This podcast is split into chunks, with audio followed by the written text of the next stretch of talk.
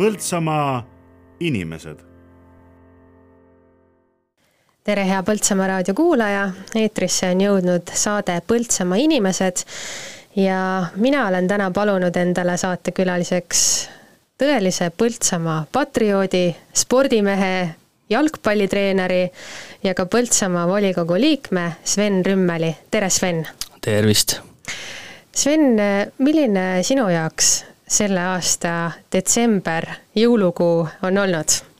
minu jaoks on detsember olnud äh, väga ilus, sest et mul esiteks esimene detsember sündis kolmas laps ja, ja jõulud on üldse ilus aeg, kus oleme, teeme nii-öelda peretraditsioone ja, ja nii ongi, käib jõuluvana ja, ja oleme ilusti kodus ja tegeme vanavanematel külas milline on üks äh, õige niisugune jõuluaeg sinu jaoks, sa mainisid enne, et on äh, perega koos olemine ja külastate perekonda, kas sinna juurde käib veel midagi?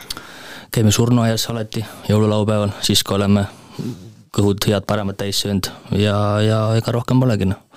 et oleme päevad ära jaganud, üks päev oleme ühtede vanemate juures, teine päev teiste juures ja siis kolmas-neljas päev käime vanavanematel külas aga millisena sa mäletad seda detsembrikuud siis, kui sa olid alles ise väike poiss? mäletan suht samamoodi, et oleme jätkanud neid traditsioone, et ootasime ise akna peal jõuluvana, nagu täna või noh, nagu tänapäeval oma lapsed ootavad ja, ja nii ta oli. sa oled läbi ja lõhki põltsamaalane, siin üles kasvanud, lasteaias käinud, koolis käinud milline see lapsepõlv äh, Põltsamaal oli, kuidas sa seda kirjeldaksid? ma arvan, et meie lapsepõlv oli päris, päris aktiivne ja päris tore, et elasin kahe suure kortermaja kõrval, kus oli igas, igas trepikojas seal viis pluss last, et meid ikkagi oli ikka oma kakskümmend pluss, et ka kõrvaltänavast oli lapsi ja ja meie, meie päevad möödusidki vara õue ja hilja tuppa ja ja oligi mängija ja positiivne oli ka see, et me olime kõik suht ühes vanuses, et seal pluss-miinus kolm-neli aastat, et, et kõik ikkagi klappisid hästi, noh. kas oli toona lastel ja noortel Põltsamaal sinu arvates oli palju tegemist või kuidas sa sellele tagasi vaatad? tegemist oli selles palju, et eks me võrreldes tänapäeva lastega ikkagi me suutsime, ma arvan, tunduvalt rohkem mingeid mänge ja asju välja mõelda kui tänapäeva lapsed, et, et meil ei olnud neid arvuteid ja konsoole ja internetti, et, et me olime ikkagi päris, päris aktiivsed, noh.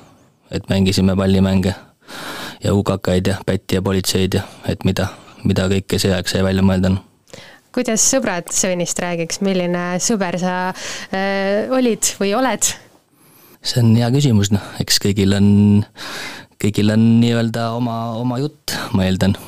et mõne jaoks olen ma üks pläralõug olnud ja kellegi jaoks keegi muu ja et ma ei oskagi ise öelda, noh, ma loodan, et ma olin hea sõber, olen no mina olen paari sinu sõbra-tuttavaga rääkinud ja sinu kohta öeldakse, et sa oled alati see, kes läheb appi, kui äh, küsitakse, oled alati olemas äh, ja teed väga head nalja. tuleb sul lapsepõlvest mõni äh, vemp meelde, mõni koos tegemine või mõni selline tore lugu, mille osas te vahel isegi oma sõpradega tagasi vaatate? Ohohoo, seda peab ikka täitsa, täitsa mõtlema, neid vempe on olnud igasuguseid. aga, aga, aga noh, kooliajast äkki üks vemp, et et saime pööningult ühe tuviskeleti ja siis panime tüdrukutele pinali vahele ja siis, kui üks hetk, kui tund hakkas, siis, siis oli meil nalja kui palju, noh. aga midagi varasemalt ja kohe niimoodi ei tulegi, sest tegelikult on tehtud igast nalja kes sind lapsepõlves paelusid, oli sul mõni teema või mõni eeskuju või keegi, kelle suunas sa vaatasid või miski tegevus, mida sa kõige rohkem teha tahtsid? ma mäletan, kui ma olin väike poiss, siis eh, mulle hullult meeldis Michael Jordan, ma ajasin suvel pea kiilaks ja ostsin Michael Jordani särgi ja ja kui ma nagu täna vaatan, siis korvpall ei ole nagu üldse minu teema, noh, et ma võin seda põrgatada, aga ei ole väga telekast vaataja ja üldse nagu ei fänna. aga ma mäletan, et too aeg oli mul nagu hull hiidol oli Michael Jordan, ma ei tea, miks. sa tegid nüüd juba sissejuhatuse märksõnale sport ja see tundub ka, et käib käsikäes sinuga, olles ise treener ja, ja tehes palju sporti, et mis, millal see tuli sinu ellu, kuidas see, kuidas sa spordini jõudsid? Noh, ma olen käinud vist Põltsamaal kõik trennid läbi, noh, ja jalgpalli juurde äkki ma sain, äkki oli viies klass või, kui mul tuli üks lapsepõlvesõber tuli Viljandist Põltsamaale elama, tema seal käis trennis ja siis ta hakkas siin trennis käima ja siis meil oli hästi suur sõpruskond. ja siis me hakkasimegi käima ja, ja nii ta läkski ja siis ma jäingi nii-öelda jalgpalli juurde. et kõige, kõige raskemad ajad, mäletan, olid siis, kui olid vaheajad, sest vaheajati ei toimunud trenni Põltsamaal.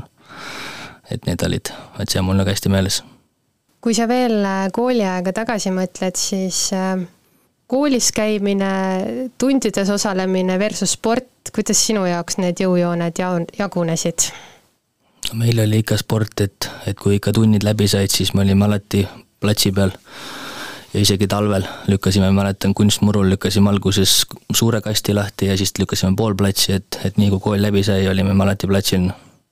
või siis saalis, kui ei saanud õues olla aga kogu aeg oli jalgpall. Noh. see, et hakata ise treeneriks, äh, olles aastaid olnud mängija, kuidas see otsus tuli? noh, see tuli, kui mu oma poiss oli kolmene äkki ja meil ei olnud noh, meil ei olnudki väikestele lastele justkui mingeid spordialaseid trenne, noh, olidki mingid tantsimised või kunstikoolid, aga aga poisile ka hirmsasti meeldis jalgpall ja, ja siis ma rääkisin ühe treeneriga ja teise treeneriga ja, ja siis mingi hetk hakkas, hakkas teine treener nii-öelda toimetama ja, ja, ja siis, siis mingi hetk mõtlesin, et äkki võiks ise, et, et äh, oma poiss sai küll vanemaks, aga nüüd ma siis äkki aasta tagasi tegin selle laste jalgpallikursuse läbi ja nüüd olen väikest viisi esmaspäeviti teen siis ise lasteaialastele korra nädalas. ja lapsi on päris palju, ilma et üldse reklaami teinud oleks, et et keskeltläbi niisugune kuusteist last, noh me räägime treeneri ametist äh, õige pea ka natuke pikemalt, aga kui veel lapsepõlve tagasi vaadata või võib-olla siis isegi nooruspõlve, siis kuidas sina mõtled äh, sellisest väikelinna nooruspõlvest, et äh, noh, kui tänapäeva noori vaadata, siis tihtilugu on arutelud selle ümber, et et äh, kus siis parem üles kasvada oleks, et kas suuremas linnas, kus on võimalusi palju või just nimelt kuskil väiksemas ja mõnevõrra siis rahulikumas keskkonnas. paraku tihti väikemas, väiksemate kohtadega käib kaasas see, et justkui miskit pole siin õieti teha või vähemalt niiviisi kõneletakse, et äh, mis mõtteid sinus selline arutelu tekitab? mina pigem arvan, et ikkagi üles kasvada on parem väikses linnas, noh sest ma ei kujutaks ette hetkel, kui oma lapsi vaatan, et saata neid kuskile kõrval kortermaja hoovi mängima või midagi, et, et ei tundu turvaline. et pigem, pigem arvan, et äh, olen nagu õnnelik, et sain kasvada väikses linnas üles, noh, et oli seda vabadust kindlasti rohkem. Noh. sa oled äh, ka lõpetanud äh, Põltsamaal ametikooli, mis ametit sa omandasid? õppisin üldehitust. kas sealne selline võimalus, et minna ametikooli, mida meil enam ei ole Põltsamaal või siin lähedal, oli see sinu jaoks selline hea variant või arvad sa, et selline variant võiks endiselt jätkuda? tead, ma ei oskagi öelda, kas ta oli hea või halb, et et kindlasti oleks võib-olla võinud mingeid asju teistmoodi teha, aga, aga samas hetkel ma ei saa millegi üle nagu nuriseda, et, et pigem olen rahul. me valisime siia saatesse või õigemini sina valisid siia saatesse ka paar muusikapala. ja kuulamegi nüüd esimest, meile kõlab äh, Liis Lemsalu esituses äh, laul Sel ööl on tunne, miks just see laul? sest et see laul pärineb filmist Teie jõulud tondikakul ja see on üks, üks film, mida me iga, iga talv ikka kaks-kolm korda vaatame ja, ja see on äh, tüdruku lemmiklaul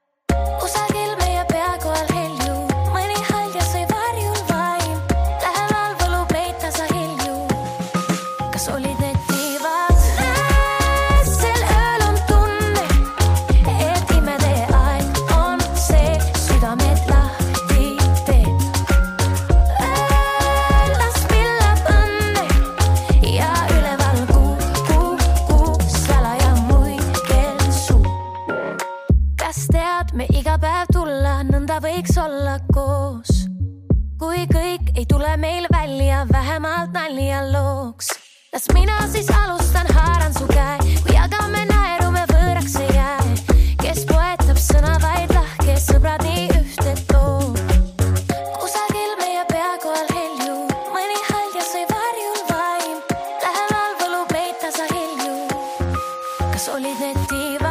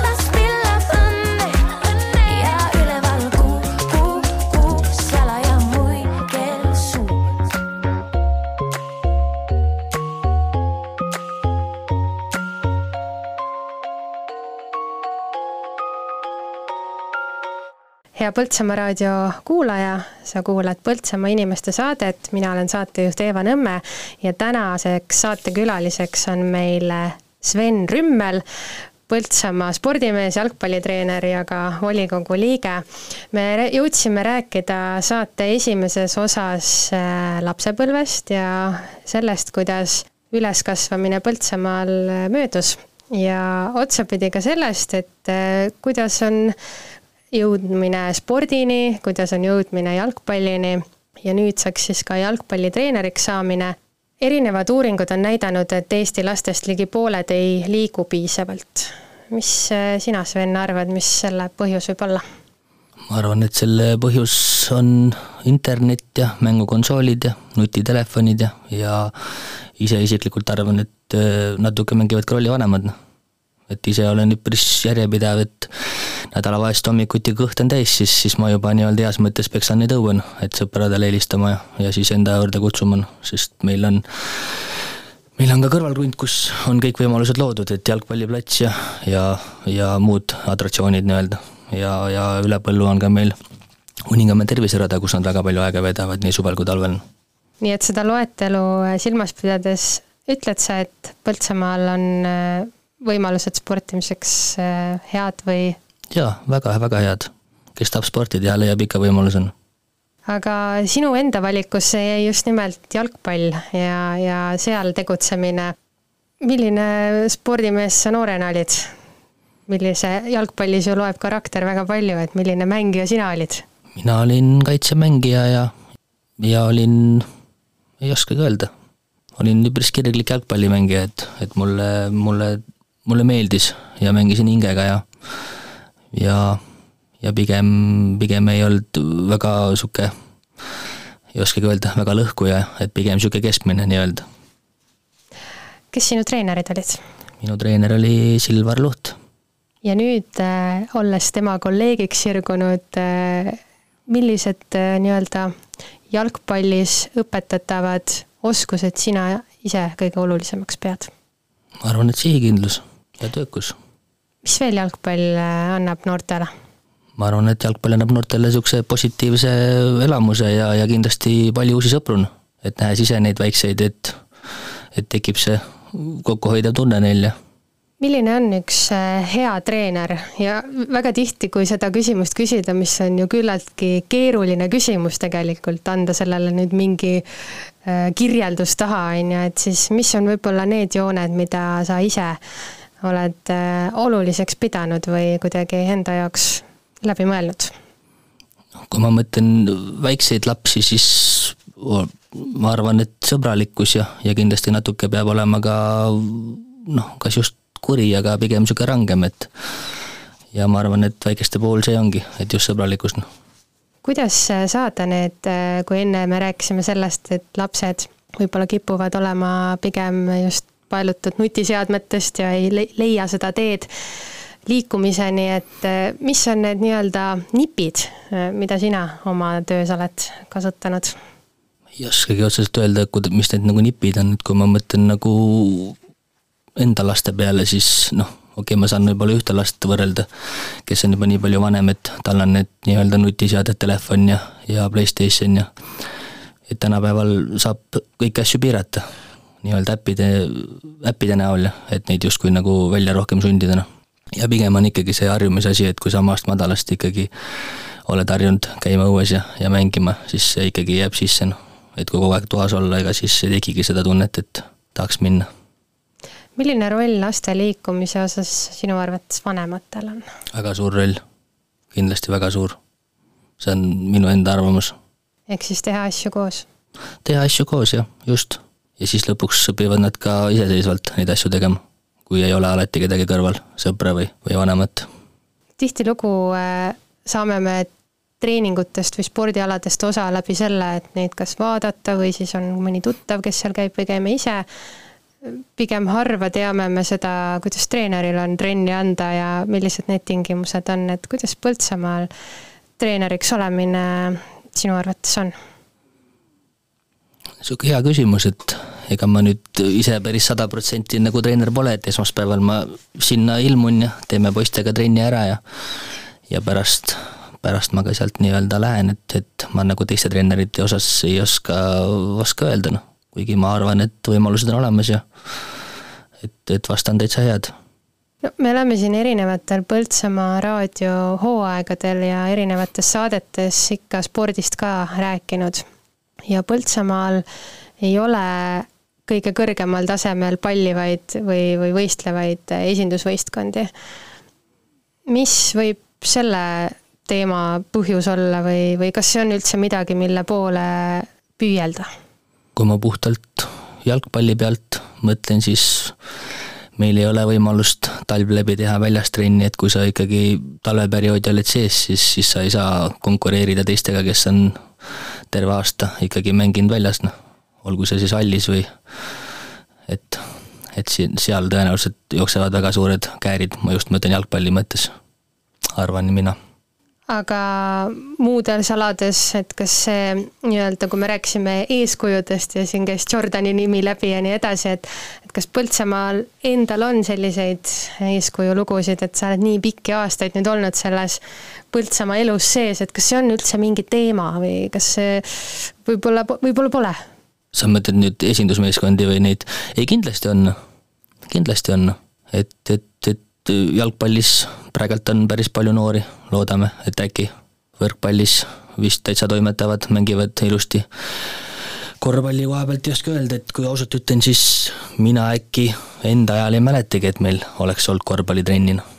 võib-olla korra kunagi oli, aga, aga see on küll nagu olnud tühi maa minu arust Põltsamaal, minu, minu ajal vähemalt. spordis on ka teada see tõsiasi, et et kui mingi vanuseni tehakse seda suure tuhinaga, siis teatud vanusesse jõudes on see nii-öelda väljakukkumine või selline, et ei, ei leita enam edasi seda võimalust või soovi. et äh, kuidas see paistab kõrvalvaataja pilgu läbi sulle? noh, eks meil siin on palju seda ka, et ega mingis vanuses lähevadki paljud ju siit ära, lähevad teise linna kooli õppima ja, ja eks siis sellepärast lähevad ka paljud võistkonnad nii-öelda lõhki, noh, et sul ei jätkugi inimesi, kellega mängida ja, ja õnneks väga paljud tulevad tagasi ja, ja teistel tuleb ka oma elu peale ja, ja siis mängid ka aina vähem. enne oli juttu sellest, et sa oled nüüdseks äh, kolme lapse isa ja, ja me rääkisime ka sellest, et äh, kogu äh, elu oled sa Põltsamaal olnud. milline on ühe noore inimese jaoks see Põltsamaal elamine just selle pilgu läbi, et milline, milline ürituste ja kokkusaamiste aeg siin on või, või nüüd just kõlas see, et paljud lähevad mujale elama või mujale kooli, et oli sul endal ka mingi selline otsus või miks sina just siia tahtsid jääda? noh, eks ma ka peale üheksat käisin Tallinnas, ma enam kooli ei mäleta, mingi spordikallakuga oli, et käisin seal sisseastumiskatseid tegemas, sain vist isegi tookord sisse. Aga, aga ma ei tea, miks ma lõpuks siia jäin, ma arvan, et võib-olla natuke niisugune kambavaimu, et paljud sõbrad läksid ja, ja võib-olla tundus see kuidagi enda jaoks mugavam ka noh. ja, ja siis ma nii otsustasin ja, ja nii ta läks. sa kohtusid Põltsamaal ka oma laste ema ja, ja kaaslasega. milline see lugu oli? see lugu on niisugune, et ma olen praeguseks olnud oma abikaasaga kauem koos, kui ma olen üksi elanud. et niisugune huvitav, et, et kooliajast ei mäleta või ei noh, ei, ei mäleta, et oleks seda üldse kuskil vahetunnis või kuskil näinud ja ja, ja juhuslikult jalgpallimängu käigus siis läbi sõbra tutvusime ja, ja nii ta läks, noh. nii et jalgpall tõi sinule ka eluarmastuse? võib nii öelda küll, jah me kuulame nüüd äh, aastalõpulaulu, mida sa jällegi ise oled valinud kutsetantsule, see läheb hästi meie lõpujutuga kokku, on sul keegi, keda sa tervitada tahaks selle lauluga? ma arvan, ma tervitaks selle lauluga oma, oma sõpruskonda, et see on üpris kirju ja, ja vanast õhtu on tulemas, et see on täitsa sobilik äh, laul, ma arvan, neile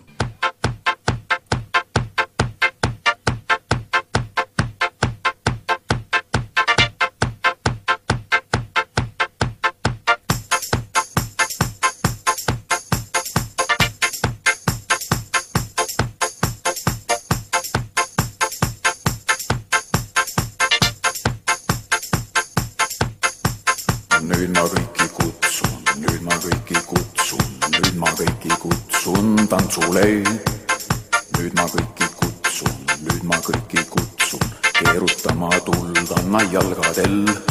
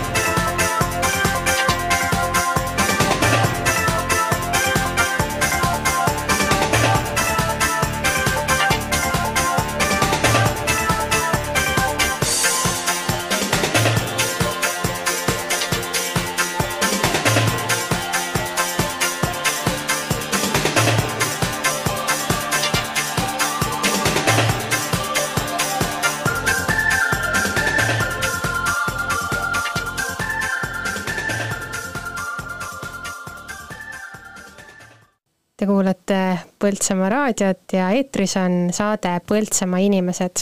mina olen saatejuht Eeva Nõmme ja olen täna palunud saatekülaliseks põltsamaalase jalgpallitreeneri ja spordimehe Sven Rümmeli. Sven, kui kerida aastasse kaks tuhat kakskümmend üks, siis äh, oli ka sinu nimi äh, kandideerimise nimekirjas ja teemaks ikka, kuidas oleks Põltsamaa veel, veel toredam koht, kus elada, milliseid otsuseid teha ja mille kasuks äh, siin kaasa aidata. kuidas selline otsus sündis, et ka ise oma nimi volikogu äh, listi siis üles panna? see on hea küsimus, et, et tuli paar niisugust signaali, et ma võiks, kuna olen kohalik, olin, olin üpris skeptiline alguses ja ja siis lõpuks viimasel päeval ikkagi otsustasin, et ma olin ikkagi suht kindel, et, et toon mõned hääled juurde ja, ja aitan töökatel inimestel natuke hääli juurde saada, aga läks natuke teisiti, et sain ka lõpuks ise volikokku sisse. kui sa said selle sõnumi, et tere, Sven, ootame sind nüüd siia, siis mis mõtted sul peast läbi käisid? sa mõtled eh, et volikokku? oli hirmutav, ütleme niimoodi. Uus, uus ja noh, oli hirmutav, tõesti hirmutav. ütleme nii, et äh, kogu valla juhtimine ja volikogu töö, volikogu tööks, aga sina kui põltsamaalane, mis on sinu jaoks need äh, teemad, äh, mida sa oluliseks pead siin elava inimesena, siin oma lapsi kasvatava inimesena ja siin, siit pärit oleva inimesena? minu jaoks ongi oluline lapsed, et neil oleks koht, kus olla ja käia ja et nad saaks trennis käia ja, ja oleks mänguväljakuid ja et neil oleks lihtsalt tore ja turvaline. et see ongi pigem minu ainuke soov. me rääkisime saate päris alguses sellest, milline oli lapsepõlv Põltsamaal. mis on need unistused, mis veel Põltsamaal võiks areneda, mida võiks teha, mis seda linna veel mõnusamaks elupaigaks võiks äh, kujundada? see on hea küsimus, siin viimase paari aastaga on päris, päris palju positiivseid asju olnud, et uus lasteaed ja saime lossi ja et oleme nüüd Eesti, Eesti mõistes ka ikkagi rohkem pildis ja et ma ei tea, võiks ühe korraliku rannaala veel saada ja ja, ja ega ei oskagi rohkem tahta, et justkui minu jaoks on kõik olemas. Noh. on vahel käinud peast ka läbi mõte, et kuskil mujal oleks parem? ei, kindlasti mitte. et siin on kõik on nii-öelda käe-jala juures, et need väiksed sõidud on nii lühikesed, et ja siin on lihtsalt hea rahulik, tõesti rahulik, et ma ei tahaks küll ei kujutaks ette ennast kuskil suures linnas nagu päriselt. Igapäevatööna oled sa müügimees äh, toitlustusettevõtlusega tegelevas äh, ettevõttes, et mis on sealt kaasa tulnud oskused või, või teadasaamised?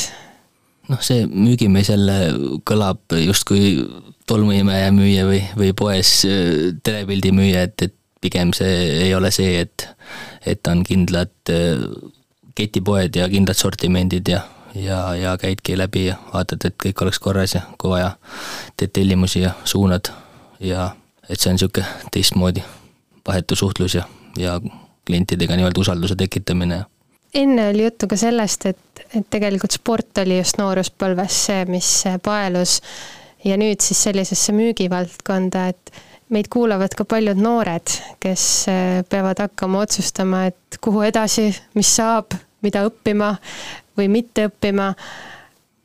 mis sa neile kuulajatele, pannes nüüd ennast äh, noore Sveni äh, nii-öelda kingadesse, et mis soovitusi sa annad või kuidas sa enda senisest elutarkusest neile nõu annad?